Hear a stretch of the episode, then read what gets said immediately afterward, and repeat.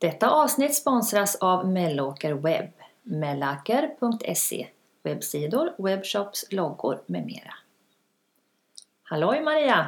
Hej Helene! Hur är läget? Det är bara bra men det är verkligen full fart nu. Mm, berätta! Eh, läget är aningen desperat ska jag säga men på, på ett bra sätt. Men eh, vi har, har ju i veckan här gett ut den här boken då, Bästa starten. Ja, Som vi har hållit på och jobbat med jättemycket hela våren. Och det är fantastiskt kul när, den, när det väl blir klart. för den som eventuellt inte känner till vad bästa starten är, berätta. Eh, Det är en bok om grundträning för alla sporter egentligen. För liksom grunderna är ju de samma. Det hunden behöver kunna som grund. Och faktiskt lite även på tävling är i princip detsamma för nästan alla hundsportgrenar. Mm. Och det har vi liksom sammanfattat i en bok. Samtidigt har vi till den här boken gjort checklister. Och, och checklistorna följer boken hela tiden. Så att man kan liksom pricka av ungefär hur långt man har kommit. Och man kan hela tiden se vad nästa steg ska kunna bli. För vi, vi har upplevt väldigt ofta att när man har kurs och sen eh, lämnar kursdeltagarna att, att för de som är nya i hundträning så är det ibland, och kanske även för gamla också, så är det ibland svårt att veta vad man ska gå vidare med. För, för många tränar väldigt mycket på samma sak istället för att ta nästa steg. Mm. Och, och, och då tänkte vi, vi skulle vilja ha någonting att lämna kvar när man slutar kursen liksom. Så att man får lite hjälp och stöd i vad man kan fortsätta. Och i de här checklistorna då så räknar man alla övningar där så finns det 250 olika övningar. Oj, Så att det är ju otroligt många. Sen kanske man inte behöver göra alla för alla hundsporter. Och vissa är ju väldigt enkla så vissa krysslistor kan du fylla i ganska fort. Andra kommer att ta lite mer tid och lite mer träning. Och ja, det här är liksom vårt stora projekt. Det är ju någonting som både Siv och jag brinner för. Så är det grundträning. Så vi har ju haft mycket kurser i det här och haft väldigt många tankar och många idéer. Och så har vi liksom försökt få fått ner det här på pränt då, på ett bra sätt då. Ja, det är ju en gedigen bok såg jag igår när jag fick eh, se och känna på den. Den är ju lite som en bibel, höll jag på att säga, i tjocklek och väldigt, väldigt snygg layout. Ja, Mm. det, det är det. Det är Lena Kerje faktiskt som har varit i farten. Så vi ska tacka henne Mm. supermycket för det. Mm. Och Leif Värme har ju varit med den här gången också. Och han har tecknat till oss. Och båda de har ju gjort fantastiska Mm. insatser. Ja, verkligen. Må jag säga. Verkligen. Och det, det roliga är när vi gjorde den här boken så, så, så tyckte vi att nej men, vi har ju inte tillräckligt mycket text. Det här kommer att bli för lite. Men eh, det ändade ju upp i 350 sidor. Ja, Men också delvis för att vi inte vill ha en bok som är besudlad med text. nej. Och det är den ju inte. Nej, Nej. utan vi vill ha liksom luftigt och lagom mycket ska jag inte säga utan lagom lite text. Mm. Och, och bara få med det viktigaste. För det känns som att den här vanan att läsa tjocka böcker den försvinner mer och mer. Och vi brukar ju tjata lite om det. Liksom att om du vill bli bra på att träna hund så, ska, så är det inte en bok du ska läsa. Utan vill du bli bra på att träna hund då ska du gå ut och träna. För det är så man blir bra på att träna hund. Så vi vill inspirera till att man ska liksom, ja men man ska veta ungefär hur man gör. Och sätta igång. För det är det som är det viktiga. Inte att du sitter på kammaren och lär dig en massa olika begrepp. Nej. För det, det är inte det som är hundträning liksom. Faktiskt. Men eh, det var en lite lång utläggning det där då. Men boken har ju kommit nu då här. I veckan. Mm. Och vi hade lagt ut lite förhandsbeställningar. Som vi tyckte att det var ju en ganska bra idé kanske. Men det, kom, det har kommit så otroligt många beställningar. Så det känns inte längre som att det var en bra idé.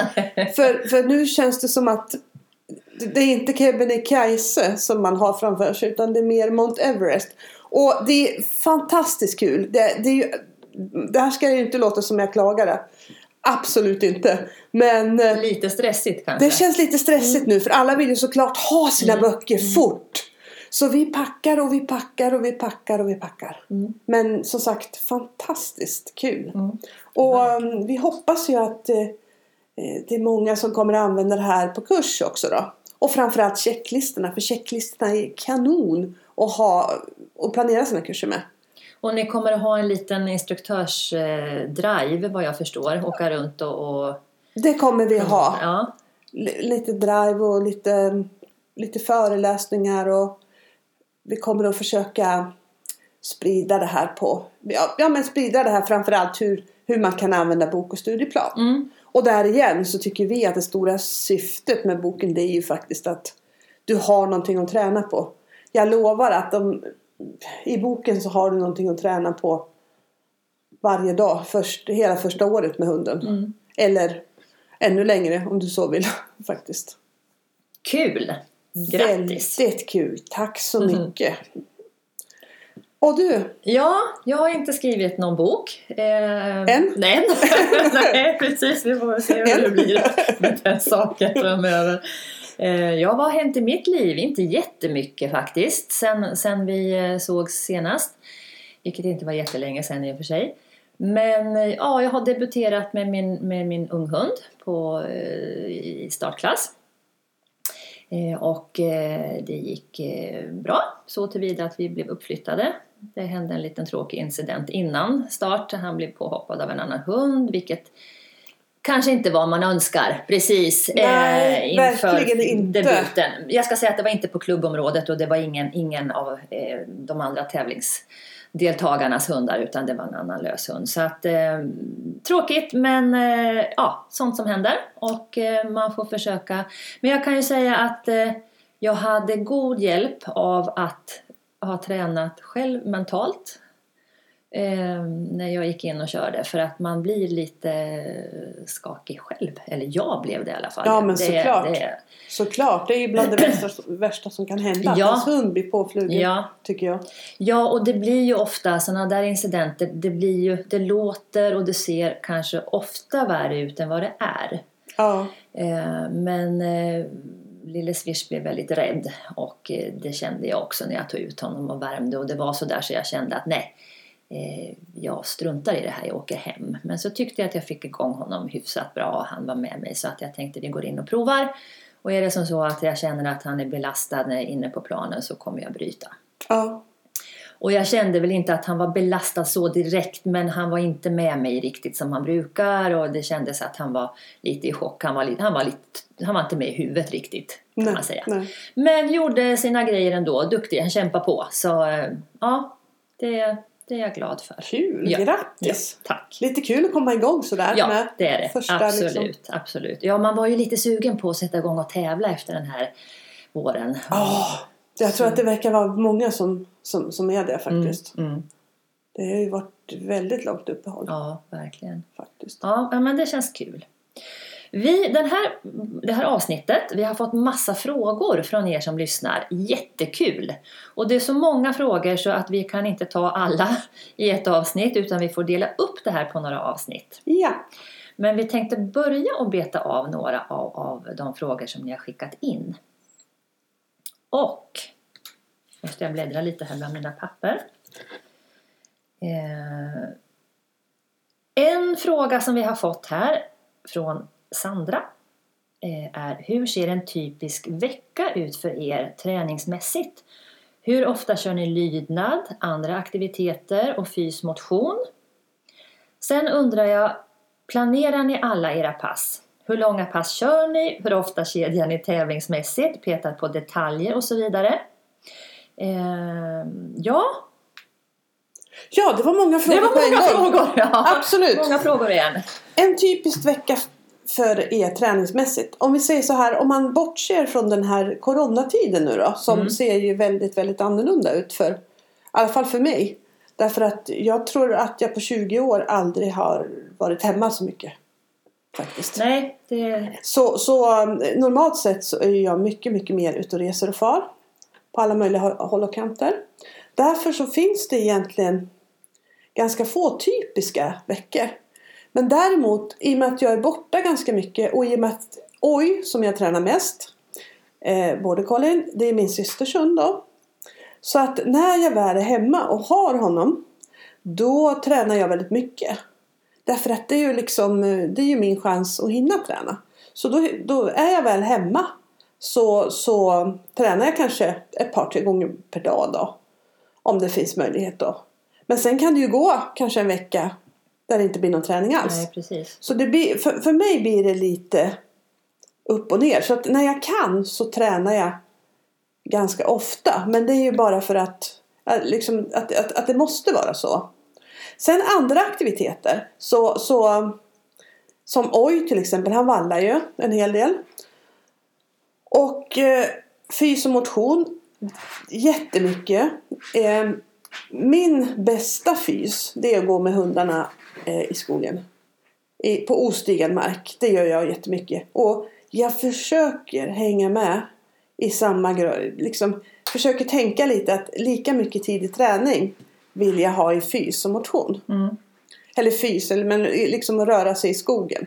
Och röra sig i skogen det är två saker för hunden. Jag tycker att de bygger upp väldigt fina muskler när de, går, när de rör sig ostigat i marken. Klättrar och går och springer och allt möjligt.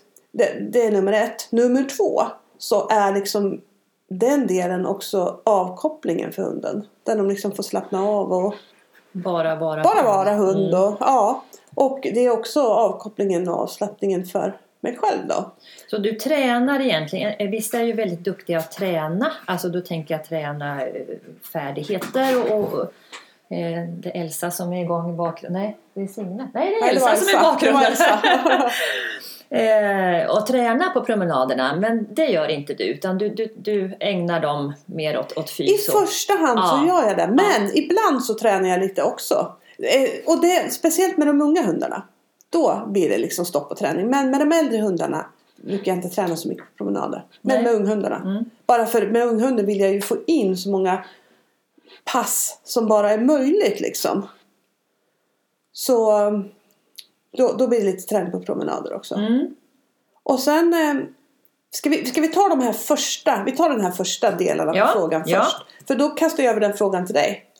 Ja, jag reser ju inte lika mycket nu runt och håller kurser som jag gjorde för några år sedan. Nu, nu när, jag har träningshallen hemma så försöker jag få folk att komma hem.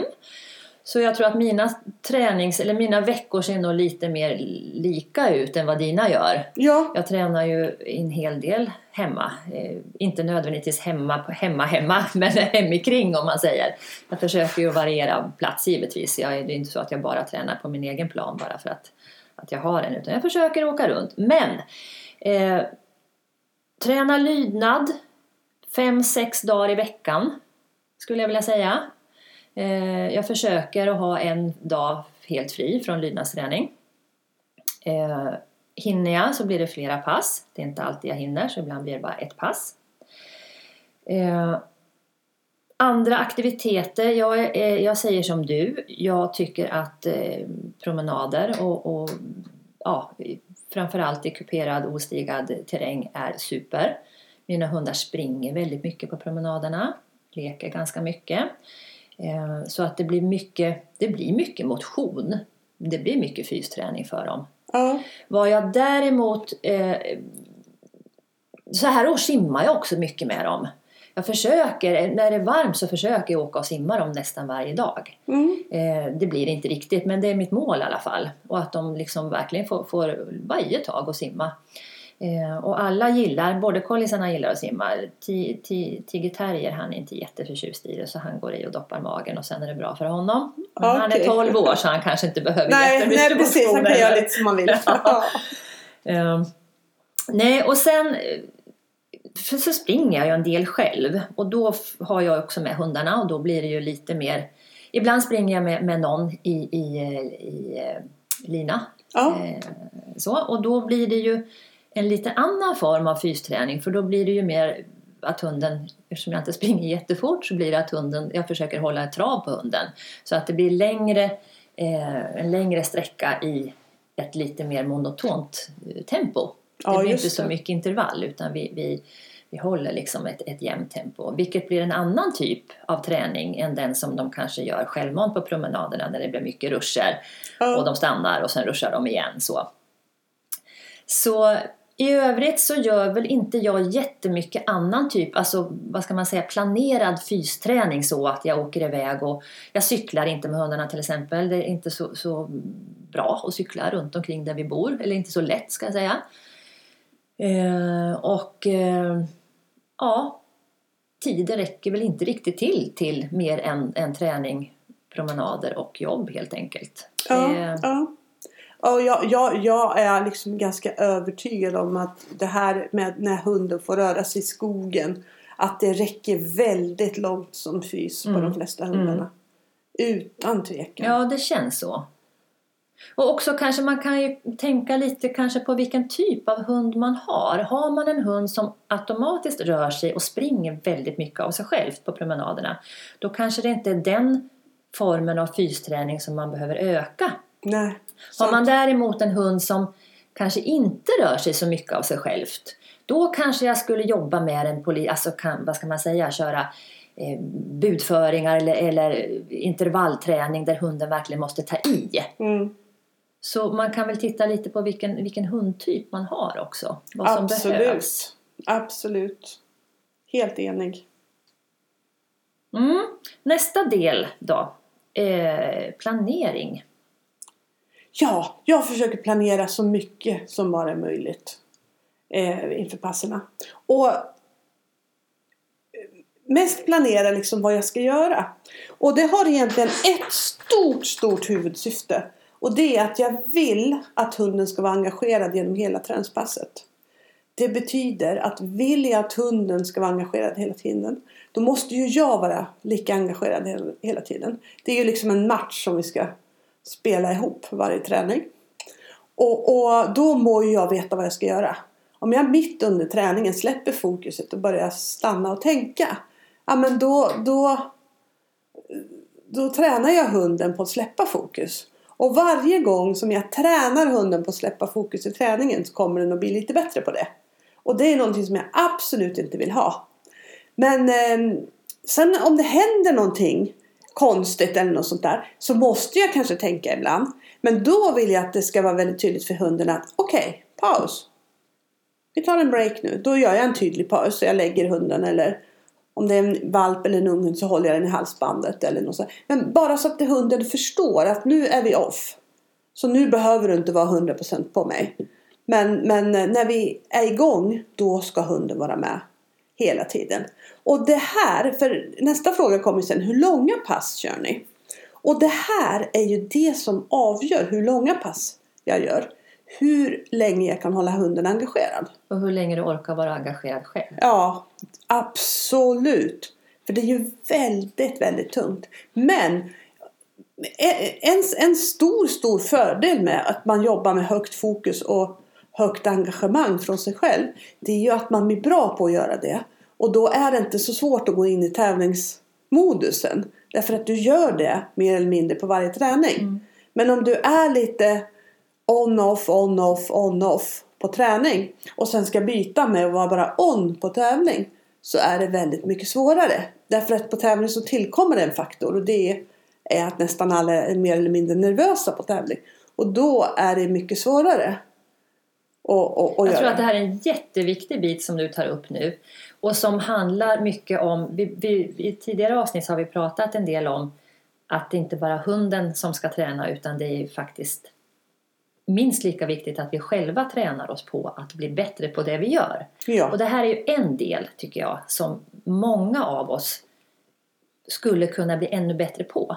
ja, det finns stor Stor förbättringspotential. förbättringspotential på den biten.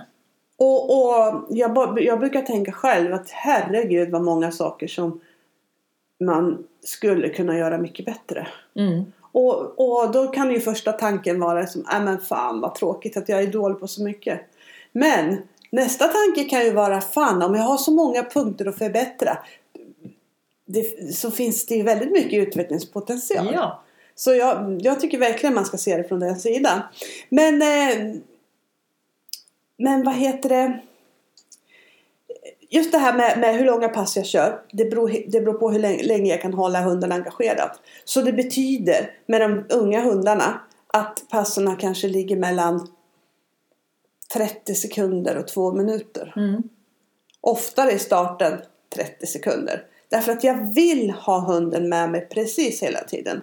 Och då kan jag liksom inte dra över det här. Och Men, men då förlåt, nu avbröt jag dig mitt i en mening. Inga Sorry. problem. Eh, jag tänker bara, när vi pratar pass här, pratar du en sekvens i ett pass? En sekvens i ett Ja, pass. precis. Ja. Exakt. Så att det är en del och sen blir det liksom en tydlig paus. Och Mm. sen kan du upprepa och köra en, en ny sekvens. Ja, det kan jag göra. just det. Men de blir, det blir kanske inte så många sekvenser. Framförallt inte i starten. Nej, just det. Utan för då, för då, tror jag, då finns det också en risk att hunden inte orkar. Liksom. Nej. Och om hunden inte orkar så är det lätt att den tappar engagemanget. Ja. Och att det är lätt att den tappar fokuset. Just Och det vill jag inte ha på, på något sätt. Då. Nej. Ehm, och, och sen så är ju nästa fråga hur ofta Kedjan i tävlingsmässigt. Ja. Mm. Och, och där kan man väl säga, där igen, det beror en hel del på hundens ålder. Men jag försöker gå någon form av bana i varje träningspass redan med valparna från de är små. Och det är också en sak som, om engagemanget är en sak som, som, som vi har velat liksom få till i den här boken, så är banorna nästa grej.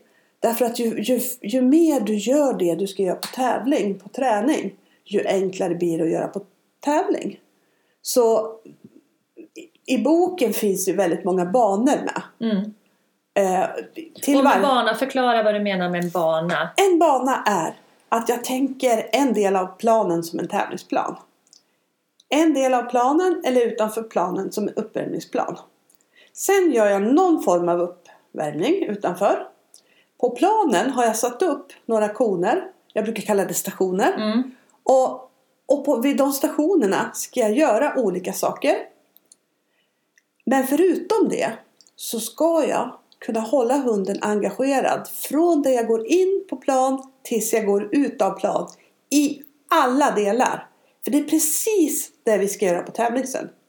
Men på tävling så är det väldigt långa program. Och börjar man kedja eller gå hela program sent så är det lätt att man gör alldeles för mycket från början. Att man tappar lite av det fina man har tränat in. Och kanske också börja lägga in moment istället för lite mer nonsensövningar eller tricks Exakt. eller, i de här Exakt. stationerna. Mm. Så jag kör alltid banor och i början, liksom med, med valparna och unghundarna, så blir de första kedjorna att jag tar bort ett par belöningar i de här små banorna. Men det är fortfarande belöningar på andra ställen. Men små, små, små bitar blir kedjor. Sen med, den mer, med de mer vuxna och mer rutinerade hundarna så går jag också banor. Men där går jag ibland också banorna som rena kedjor.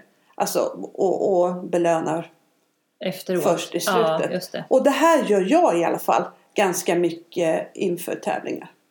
Också där för, för att veta att det sitter och att det funkar. Och att det är liksom hunden verkligen Ja men verkligen inne på det här. Mm.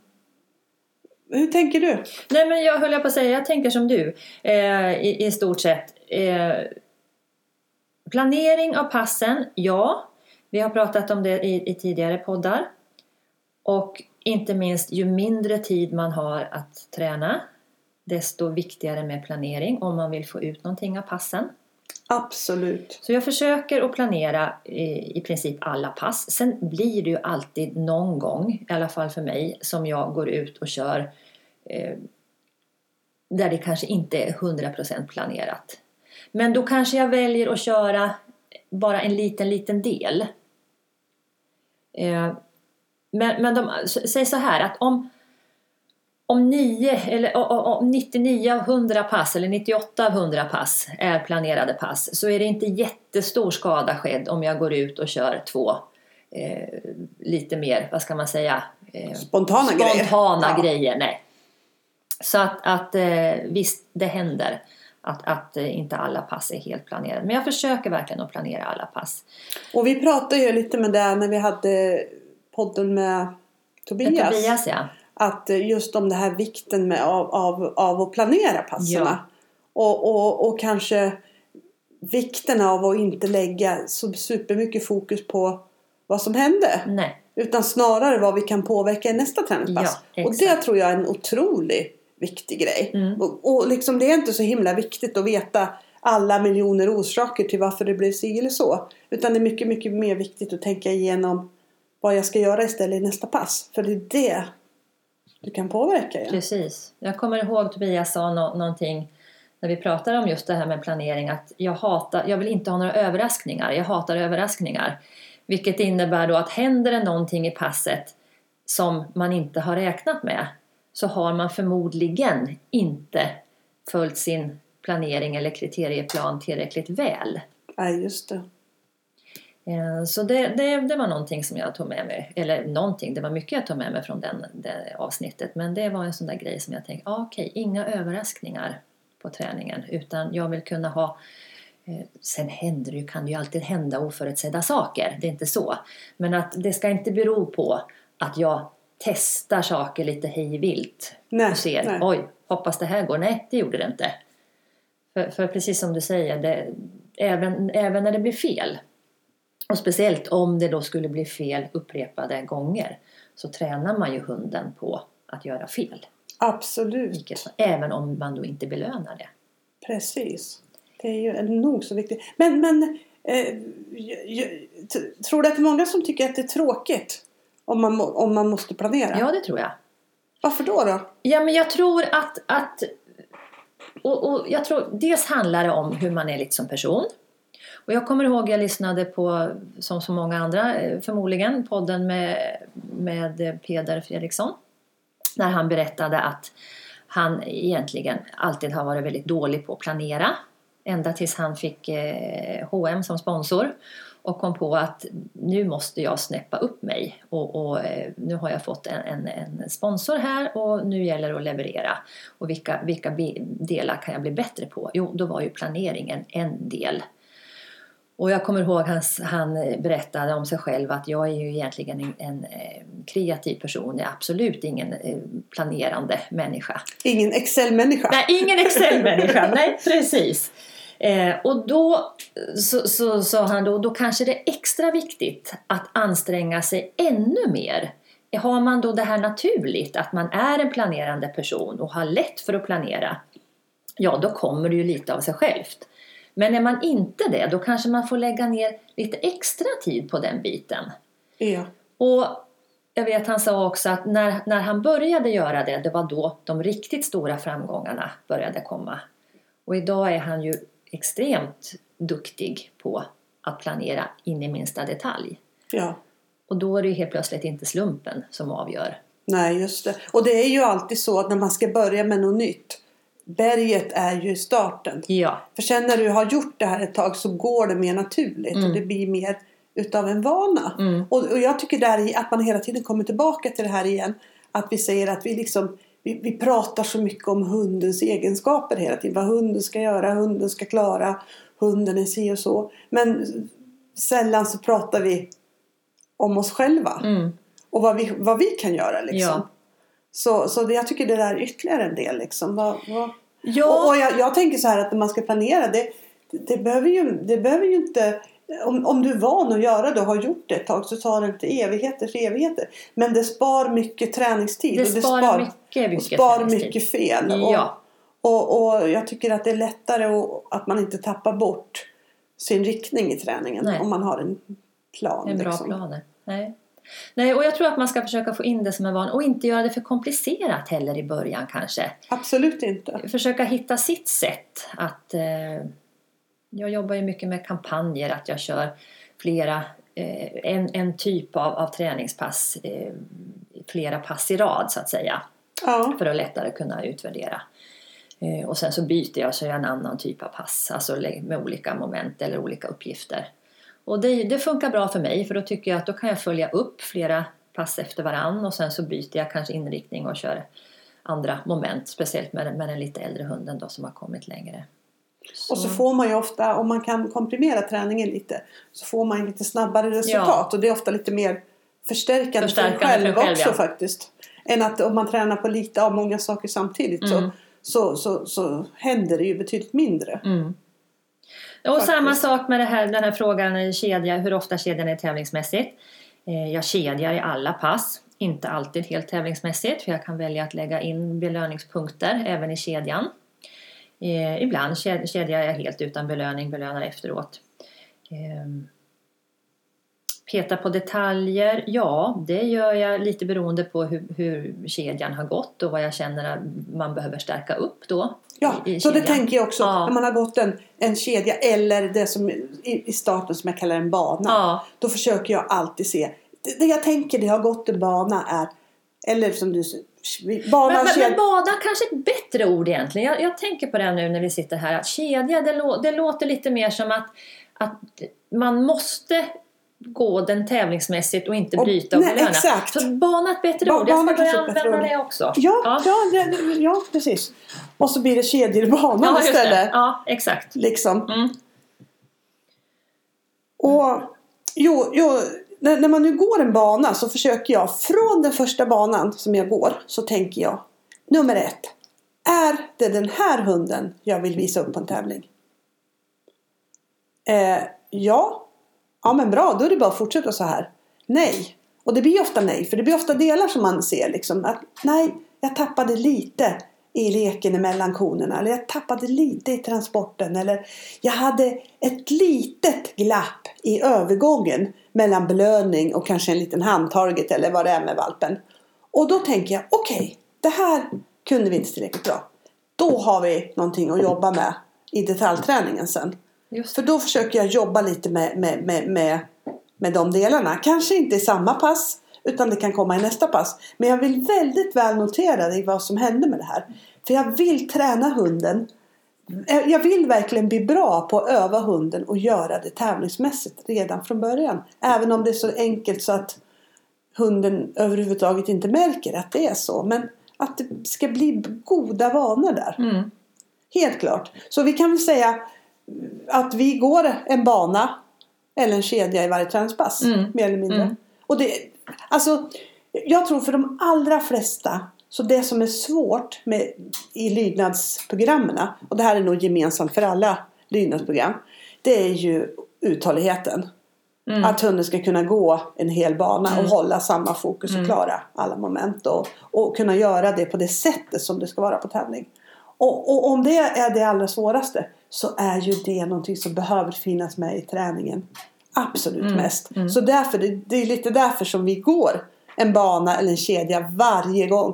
Bara för hundarna ska säga Tanken är, jag tror att det är precis samma för dig, nu pratar jag för dig också men mm. jag tror det. Men tanken är, vi vill att våra hundar när de kommer ut på tävling ska säga Okej, okay, en helt vanlig dag på jobbet. Mm. Det här känner jag igen, jag har gjort precis allting. Vi mm. brukar göra så här och det är inga konstigheter. Kommer det inte belöning här så kommer det sen. Ja. Och det står någon och ropar och vi värmer upp där och vi kliver in där. Och Enda skillnaden kanske då är att matte är aningens mer spänd och nervös. Kanske lite konstigt, men jag tror inte att det påverkar jättemycket faktiskt. Nej. Om hunden är tränad på det för övrigt. Exakt! Om hunden känner igen alla andra delar. Mm. Då spelar det ingen roll att du är nervös Nej. skulle jag säga. Nej. Men däremot om väldigt många saker är nya.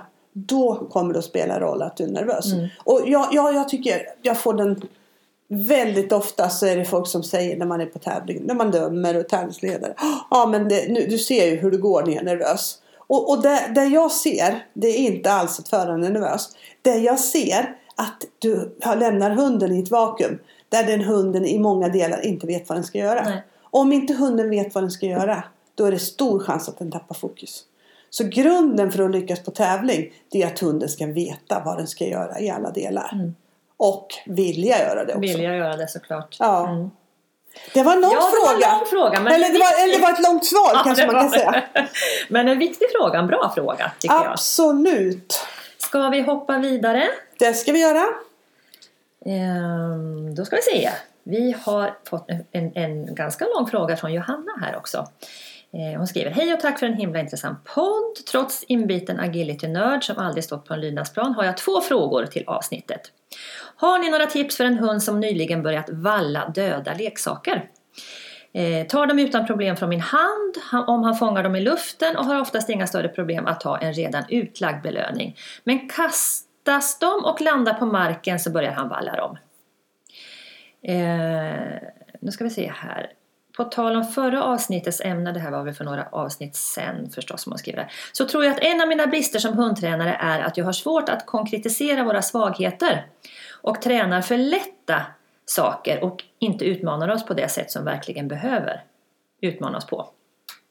Har ni några tips på hur man kan komma ur det mönstret och hitta lite balans? Det har vi ju pratat lite om. Det är ju lite av det vi har pratat om i förra frågan med det här med planering. Exakt. Jag, jag, jag tror kanske om man inte har en tydlig planering så är det ofta lätt att man hoppar mellan att man gör det lätt och sen så tänk, liksom kommer man plötsligt på, nej men satan, det här har vi gjort länge nu. Nu behöver vi ta nästa steg. Mm. Och då vill det steget bli lite för långt. Ja.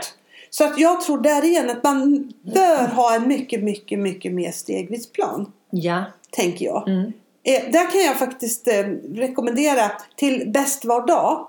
Så har vi någonting som heter eh, eh, lärarbilagor. Som ligger på våran hemsida. Lärarbilagor. De kan man ladda ner gratis. Och där finns det en stege. I liksom en, en, eh, ja, men som en ritad stege. Ja. Och där kan man skriva ut stegen. Och det tycker jag är jättebra om man, om man liksom vill göra det mer konkret och Mm. mer tydligt Mm. för sig själv. Vilka steg jag ska ta. Och får man inte till det mellan två steg, ja men då får man rita ett extra litet steg emellan för att liksom... Ett litet halvsteg emellan. Ja, precis. För jag tror det absolut ligger liksom i, i, i, i- planeringen. Liksom. Mm, jag tror också det. Så, så, så, så det, det stämmer ju jättebra att, att det, här, det här har vi ju pratat om. Mm. Liksom.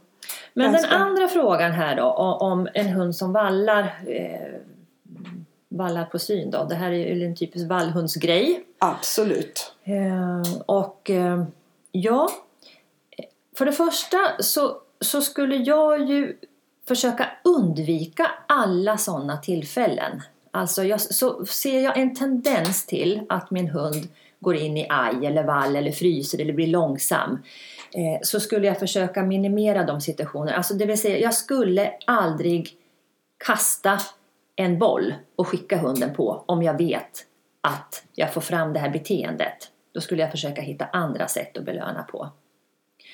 Jag tänker också att eh, aldrig på, på en inkallning till exempel att aldrig låta den springa mot en, en, en synlig leksak i, i handen.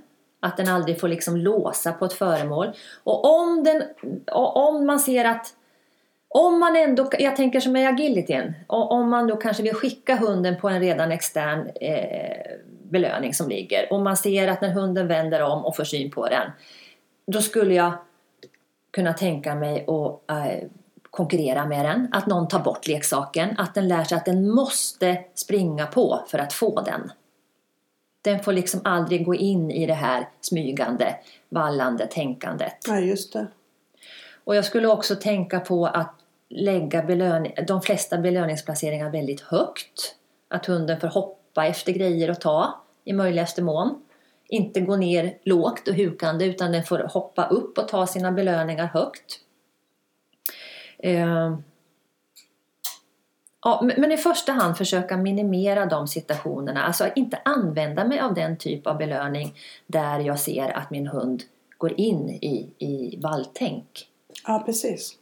Hur tänker du? Nej, men jag tänker nog lite samma sak. Och, och om jag ska säga det, göra det mer konkret så, så, så skriver ju Johanna här att, att hunden tar den bra i handen. Mm. Och det tycker jag är en väldigt bra start. Mm. Då skulle jag fortsätta öva att han får ta i handen. Och öva att han ska bli snabbare och snabbare att ta den i handen. Och så när han har fått tagen till handen några gånger, kanske tre, fyra gånger. Då släpper jag den på backen och gör samma sak. Ja, du gör det. Och ja. då ställer jag mig också Ja. bredvid. Ja. Så att om hunden inte är blixtsnabb då snor jag leksaken Mm. själv. Mm. Och så blir jag, retas jag med hunden jättemycket. Retas genom att liksom behålla den. Gömma den i mina armar. Och vända ryggen till hunden och säga haha det här är en skatt. Du Mm. kan inte få den, jag har den. För jag vill skapa liksom en liten känsla där. Sen kommer jag att köra några i handen igen så att det verkligen blir lyckat. Och, och där tänker jag också att de sämsta i handen sorterar jag bort. Och då betyder det att då rycker jag bort det så att hunden får tag på Mm. den. Eh, och sen börjar jag att jag släpper iväg den mer och mer och mer. Men jag står hela tiden så att jag kan tävla med hunden. Så att den överhuvudtaget aldrig får chansen och, och eh, gå ner i vall på den. För då får den inte tag på den. Nej. Man kan ju också tänka sig att använda en sån här flörtpol eller longerpisk eller någonting med leksaken längre ut om man vill få bort hunden lite från sig själv men ändå kunna rycka undan leksaken. Absolut. Och, och jag tror att du var inne på det allra viktigaste där. Det, det är ju att stopp så fort du får fram det. Du måste göra någonting direkt du får fram vandringsbeteende. Så det var jättebra att du ställde den här frågan. Mm. För ju tidigare du kan liksom plocka upp det här och börja träna på det, desto bättre. Mm. Så, så, så för har man, har man hundar som har lätt att ta till vallning i lydnaden så måste man alltid stanna till och tänka till. Så att man inte fortsätter att utveckla det här. Mm. För att eh, både kollisar framförallt har ju väldigt lätt ja. att bli valliga. Och det är klart, det är ju deras, det är ju deras ursprung. Mm. Och, och, och, och smyga Ja, och ja. använda ögonen och försöka flytta på någonting. Ja, Ja. så det, det är liksom helt naturligt. Men håll det borta från träningen. Mm. Och jag, jag, jag får ga- ganska ofta höra att liksom, nej men jag vill inte ha en border collie med mycket vall i. Men liksom, jag tycker faktiskt inte att det spelar så stor roll. För det har mer med träningen att göra. Släpp inte fram det i träningen. Så går det nästan aldrig, alltid bra. Nästan aldrig bra till exempel. Nästan, ja. Så går det nästan alltid bra. Mm. Sen, sen eh, som sagt, nu, nu pratar vi generellt. Det finns säkert hundar som är väldigt mycket svårare att få till det här med och som kräver väldigt mycket mer arbete. Men, men att vara medveten om det och liksom se till att hålla det borta så mycket det bara går. Det är liksom. Och träna hunden som du säger i, steg att ta den en snabbt i handen, träna så att den ännu snabbare och ta den i handen. Ner med leksaken mot backen, träna samma sak Ja, med leksaken på backen och gärna kanske då på en, en pinne eller en pisk eller en flörtpol så man får ut den en bit ja från sig själv. exakt. Och, och träna på att den måste gripa, springa på och gripa snabbt Ja. annars så försvinner Den försvinner alltid om Ja. man inte trycker på. Mm. Faktiskt. Mm. Och det här är ju kanske för lydnad så är det här en, en viktig grej att, att, att lösa. För jag tycker väldigt många när de tränar ruta och konskick och sådär lägger väldigt mycket vikt på hur hunden springer de första stegen. Men vill man flörta med domare så ska man se till vad, hur hunden springer de sista stegen. Och då blir också det här viktigt. Mm. Hur tar sig hunden an sista delen? Mm. Till exempel så ser det väldigt snyggt ut om hunden trycker på sista stegen i rutan eller vid konen. Mm. Istället för att springa fort och sen sakta ner. Mm. Om vi nu pratar riktigt finlir. Mm. Faktiskt. Mm. Hoppas Johanna fick lite svar på sin fråga. Japp. Mm. Nästa fråga. Undrar om ni själva väljer ut era valpar och i så fall vad ni tittar på? Maria, vad Eh. tittar du på? Väljer du dina valpar själv? Alltså på sista tiden så har det inte blivit så mycket val för min del. Eh, Ylle som jag hade sist. Eh, han, han valde jag inte överhuvudtaget. Utan det var bara så att jag hade lite tråkigt en dag. När jag var, pluggade på universitetet. Och så visste jag att Ragnhild hade en kull valpar som var osålda. Så då ringde jag till henne och så sa jag Kan jag ta hem en valp ett tag? Ja, och då sa hon, ja men jag har eh, två stycken som är veterinärbesiktade så du får ta någon utav dem. Det är en black och tan och så är det en gul. Ja men då sa jag, då tar jag den som är black och tan. Och så åkte jag och hämtade honom då. Så han, det var ju liksom absolut inget Han skulle bara vara ett han, tag. ja, han skulle vara hos mig Ja, ett tag. Det är ja. kul att ha en valp och jag Just tänkte det. att det är bra för valparna att komma, Ja. komma ut lite och sådär. Sen eh, nästa hund var ju Signe. Henne valde jag faktiskt. För då- jag skulle egentligen ha haft en hanne. Men eh, gillade tikarna bättre. Så, så henne valde jag då. Och sen blev det... Vem kom sen? Sen kom Oj. Och han var ju ensam hanne i den kullen. Och vi skulle ha en hanne. Vi hade kunnat tänkt oss bytt till en tik. Han inte... kom väl emellan? Ja men han kom som vuxen. Ja, han kom som vuxen ja. Just Ja, det, han så är ju omplacering Ja, så han var ett år när han Mm. kom. Eh, och sen så Elsa var ju enda tiken i kullen. Mm. Och, Då var det inget svårt val. nej, Nej. det var ju Nej. inte det. Eh, jag hade kunnat tänkt mig en hanne också men min man och min hundvakt de ville definitivt ha en tik. Så Mm. det, det, liksom, det var ju... Men annars om, om...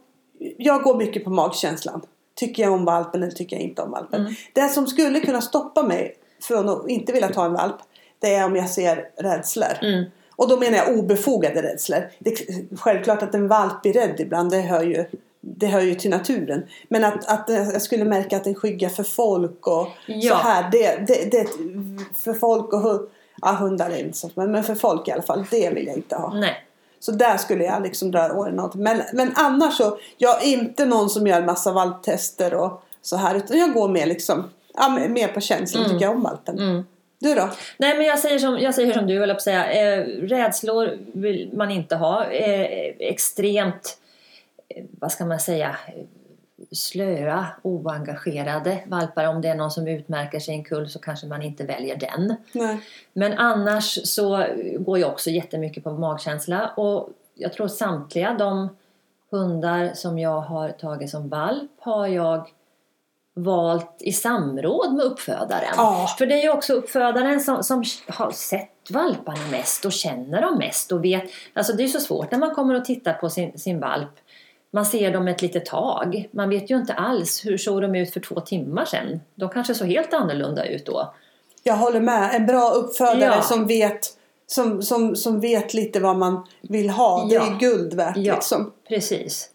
Och om man då kan berätta att ja, men jag, jag gillar hundar med mycket, med mycket driv i, mycket motor och de får gärna vara lite galna och, och jag kanske inte vill ha den lugnaste i kull. Alltså, om, man, om man berättar så, då är det ju, då är det ju jättemycket lättare för uppfödaren att säga ja men den här tror jag, eh, den är lite mer aktiv, i alla fall har varit eh, de senaste veckorna och, och, och tar för sig lite mer och så vidare. Så jag tror att man kan i samråd med uppfödaren hitta, hitta just den valpen som, som, som passar en. Sen, sen säger jag som du att det mesta, mycket är träningsbart. Ja. Så jag, ska inte, jag, jag tycker inte heller kanske att man behöver göra för mycket tester och så för det där kommer ändra sig så mycket ja, det gör ju ofta under resans gång också. Så mycket magkänsla, Ja. definitivt. Mm. Då ska vi hoppa över på ett avsnitt om vardagslydnad. I senaste avsnittet pratade Maria om vardagslydnad. Hon sa att hennes hundar inte ska springa fram till folk och andra hundar. Frågan När och hur låter ni era hundar hälsa på folk och andra hundar? Och vilka får de hälsa på? Alla eller utvalda av er? Vad säger du? Ja, definitivt inte alla. Om ens någon eller på att säga. Nej då. Eh, ja, när och hur låter ni era hundar hälsa på folk och andra hundar? Det beror ju också lite på hund. Har jag en hund som är väldigt, väldigt social då kanske jag inte låter den hälsa på alla som den vill hälsa på. Eh, så fort den ser en ny människa att den ska fram och hälsa, nej, men då kanske, då kanske jag gör något annat, försöker jobba med lite kontakt eller, eller helt enkelt låt, låter den, ja, den, den får inte hälsa helt enkelt på, på alla. Eh, har jag en hund eller en valp som är lite osäker eh, men ändå självmant försiktigt går fram, ja men då kanske jag låter den göra det. Om det är en person som jag känner. Jag låter, släpper ju inte fram den till folk som nej. jag inte känner. är absolut inte. Nej. För där brukar, där brukar man ju Ja. liksom, det, det kan vara en bra grundregel. Ja. För alla säger ju att deras hundar är snälla. Ja, men nu pratar jag människor i och för sig. Nu pratar jag folk. Ja, du pratar om- ja. men jag släpper inte fram hunden till folk jag inte känner Ah, heller. nej, för jag nej. tänker att man vet inte, det kan ju vara folk som inte är hundvana som man- sig ner. Ja, exakt. Och som beter sig lite klantigt och sådär, Ja, exakt. Ja. Nej men hundar, ja då är jag ju ännu mer restriktiv. Eh, på att säga. Definitivt hundar som jag eh, känner eh, och som jag vet är bra hundar, alltså som, som är snälla hundar. Ja. Eh, så att hunden, min, min valp får en, en, en, en, vad ska man säga, ett bra, bra första eh, intryck av, av, av hundar och inte blir skrämd och tycker att hundar i allmänhet är farliga och konstiga. Så, eh, men, men också lite där tänker jag, vad har jag? Har jag en hund som, som är väldigt, eh, vill hälsa på alla hundar, alltså då pratar vi ändå hundar som, som, som jag, vi umgås med Ja. och, och som vi känner, nej då får den inte göra det. Och har jag en hund då som är lite mer försiktig, ja men då kanske den får, får inte reagera om den väljer och väljer att göra det själv. Mm. Men det är alltid jag som avgör, jag låter inte hunden liksom bestämma själv. Nej, nej, inte Nej. jag heller. Absolut inte. För det, det som jag vill i slutänden, det som jag vill ha utav min hund, eller liksom det jag vill att min hund ska klara, det är ju liksom att den ska den ska inte bry sig om okända hundar överhuvudtaget. Nej. Utan möter vi en hund så vill jag att hunden går in vid sidan och går Mm. vid mig. Mm. Och det försöker jag träna in som, redan från början som en god vana. Så att det liksom, om man gör det från början då blir det aldrig något problem. Om du lär hunden vad den ska göra när den möter en hund Mm. så, så behöver du liksom aldrig få något bekymmer med det. Nej. Tänker jag. Och det är ju där igen, hunden behöver ha en tydlig uppgift. Mm. Liksom. Och lär man in den uppgiften innan man har ett problem så, är- så är det lätt att lära in den. Det är lite svårare om hunden väl har börjat och gjort dumma saker. Då får man kanske tänka lite annorlunda. Men gör man det från början så är det lättare. Och sen vill jag att, sen, sen, sen tycker jag att det är trevligt om hundarna kan eh, umgås. Jag, Mm. jag har några kompisar som har lite spridda skurar av hundar. Och då, och då tycker jag att det är trevligt att vi kan gå med alla hundarna tillsammans. Ja, och sådär. Och, så då får de springa och vara med dem. De får vara med sina kompisar. Mm. Men vi styr upp det lite grann också. Mm. Och kollar så att liksom de, de alla sköter sig på ett bra sätt. Och någonting som jag inte vill. Det är att de andra hundarna ska inte uppfostra Nej. valpen. Nej. Däremot så får de naturligtvis säga ifrån om valpen är dryg och allt sådär. Mm. Men jag överlåter inte ansvaret till hunden. Det är en del som säger men den behöver få lite Ja, den behöver bli uppfostrad av en annan hund för Ja. att väl lära sig veta hut. Ja. Men det är ju liksom, det är helt vansinnigt. Ja. Det är som att lära, som säga på dagis att en, att två treåringar ska uppfostra varandra. Liksom, Ja. Om man ser att hunden har. nej, men jag håller med dig. Så, så, så där tänker jag att man ska vara liksom, tänka sig jättemycket för. faktiskt. Ja, och jag tänker samma sak i en flock om man har flera hundar. Att jag låter ju inte hundarna liksom göra upp eller, Nej. eller Nej. styra upp utan det är jag som bestämmer. Man uppför sig i flocken. Ja. Man är schysst mot varandra. Man får absolut säga ifrån men man gör det på ett schysst sätt. Ja. Och det är liksom ingen som beter sig dumt mot någon annan. Och det är min uppgift tycker jag att Ja. se till. Det är inte hundarna som ska få styra med det. absolut inte. Det, det håller jag jätte, jättemycket med. Och det där försöker jag. Det är någonting som jag har bli- blivit mer och mer liksom noggrann med. Därför jag tycker det, det känns. Just nu har vi. Vi, vi, vi har ungefär tio hundar som.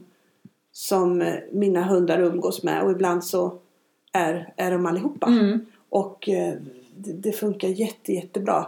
Och jag tycker att det har varit en jättebra start för lilla Elsa. Därför att hon har fått umgåtts med...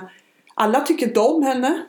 Men alla är snälla mot Ja, henne. ja. Så länge som hon inte Nej, hänger i nackskinnet. Och då säger de ifrån. Ja. Och om det inte räcker att de säger ifrån. Ja men då säger jag ifrån. Ja. Du får inte göra sådär. Nej. Du får inte hänga. Utan Nej. liksom... eh, Ja, Mm. Nej, Så- jag håller med. så, så, så att man tänker hur man vill ha det. Mm. Men det, det, är- det, om hunden får hälsa på alla som valp så bygger det ju upp ett intresse och vilja fram till andra hundar. Mm. Som, i som ibland senare ger frustration. Mm. Och när det kommer frustration så kommer det gärna fram lite skall. Och när det kommer skall då eskalerar det ibland till att bli utfall. Fast det från början var något helt annat. Mm. Så, så det, det, det, det kan vara värt att...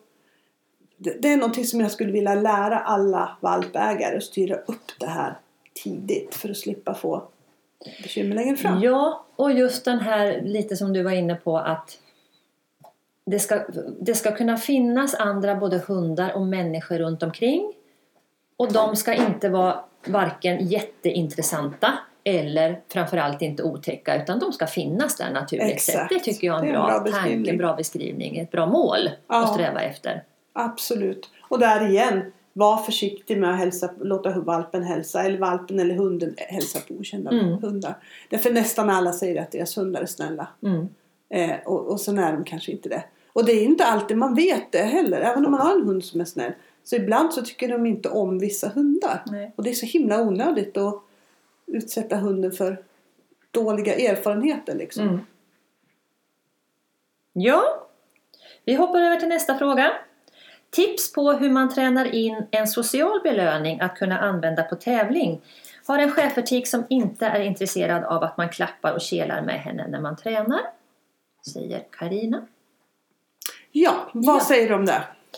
Ja, jag säger som så att sociala belöningar kan ju för det första se ut på väldigt olika sätt. Jag tror många tänker sociala belöningar, alltså fysiska klappar och så vidare. Jag upplever att det är ganska få hundar som tycker att det är en hit. Och framförallt inte tar det som en belöning oavsett hur, hur keliga och fysiska och, och, och gosiga de är i vardagen. Så där får man kanske tänka till och ta, använda sig av någon annan social belöning. Sen brukar jag tänka det här med social belöning, hur vill man att den ska se ut? Vill man att hunden ska hoppa, snurra, liksom, hur ska den bete sig? Hur ska den svara? Och då kan man ju gå ytterligare ett steg och tänka, kan hunden överhuvudtaget leka med mig utan föremål? Har vi en lekrelation? Har vi en social lekrelation förutom, förutom för belönningstänket eh, då? Kan vi leka med varann utan att ha ett föremål? Eh, det är inte så många som, som överhuvudtaget kan det tycker jag. Nej, det är nog ganska ovanligt. Det är ganska mm. ovanligt. Och frågan, då frågan är, måste man, ha, måste man kunna det? Man kan ju koppla en social belöning till en ett tänk på att det kommer någonting annat istället. Ja. Det kan man göra. Då blir det ju en intränad belöningssituation. Man tränar hunden på att svara på ett visst sätt när jag klappar händerna eller backar eller håller upp eh, mina händer eller någonting och hunden svarar genom att hoppa emot eller snurra eller vad, hur, man nu, hur den nu beter sig. Men då blir det en intränad social belöning som man betingar för att hunden tänker att efter det här kommer något kommer, häftigt. Ja, ja. Och det kan man ju alltid jobba in mm. på olika sätt. Ett annat alternativ det är ju att man inte gör så yviga belöningar utan man, många hundar tycker jag faktiskt fungerar minst lika bra på att bara kanske få lite alltså bekräftelse. Wow, duktig du är, bra, nu jobbar vi vidare. Utan att man behöver lösa upp den efter ett moment. För löser du upp hunden efter ett moment så måste du ju också få in den få snabbt till sidan ja. och, in den i fokus igen. Ja. Och dels är det en sak i sig som man måste träna in väldigt, väldigt noga för att det ska funka tycker jag. En annan sak är ju att jag kan uppleva att många tänker att de tankar sin hund med massa energi genom att peppa på den mycket. Åh, den ska få hoppa och den ska få, få, få, få ja, röra sig mycket i, i tävlingsbelöningen. Utan att tänka på att det drar ju samtidigt väldigt mycket energi från uppgifterna som hunden ska utföra. Så den kanske gör av med mycket energi där som den egentligen behöver ha inför nästa eller inför kommande eh, moment. Och då kanske man får motsatt effekt. Hunden orkar inte programmet igenom för den har gjort av med så mycket energi i tävlingsbelöningarna. Exakt. Sen tvärtom så finns det ju hundar som, som kanske behöver få pysa ur lite grann. Behöver få lätta på trycket lite grann. Och, och behöver få röra sig lite efter momenten. För att sen snabbt kunna gå in till sidan och fokusera på nytt. Så där får man ju känna lite grann. Vad har jag för typ av hund? Vad funkar bäst? Och framförallt prova sig fram. Ja, prova sig fram är nog ja. nyckeln faktiskt. Och så, framförallt så tycker jag också man kan tänka sådär att alla hundar behöver inte ha så mycket. Jag tror inte att social belöning Alltså jag, jag upplever att social belöning för 95% av alla hundar betyder väldigt lite. Mm. Faktiskt. Jag tror mer kanske det är för föraren många gånger. Ja, det tror jag också faktiskt. faktiskt. Helt men, klart. men däremot att man kan ge någon form av bekräftelse. Ja, ja. För det känns ju, precis som ja. du säger, känns ofta bra för en själv. Och, mm. Så där skulle jag definitivt prova mig fram. Och, och jag, jag upplever precis som du att det är många hundar som inte tycker så mycket om kanske att man tar i dem just i den situationen. Sen kan man träna upp det men å andra sidan måste man ta i dem. Ja och sen liksom... tänker jag liksom, visst man kan träna upp en hund att tycka om eller, eller att acceptera ja, att man tar ja. i dem. Men jag tror inte att det kanske betyder wow vad Nej, häftigt! Åh, oh, jag blir någon som klappar mig! Nej, precis. Nej, utan det blir mer en acceptans ja. och det är inte det jag är ute efter. Nej, Nej. sant. Så, så experimentera, testa, ja. prova vad du, vad du liksom kan vad du kan få. Mm. Helt klart. Ja. Vi ska ta och avrunda lite här. Ja. Vi kommer att ha en podd till med lite frågor. Ja, det är många Så kvar att beta av. Det är många mm. kvar att beta av. Så vi hoppas att ni har fått lite goda idéer och tankar och inspiration av det här avsnittet. Vi tackar för oss. På återhörande. Och det här avsnittet sponsras av Mellåker webb. www.mellacker.se Hej och hopp! Hej hopp!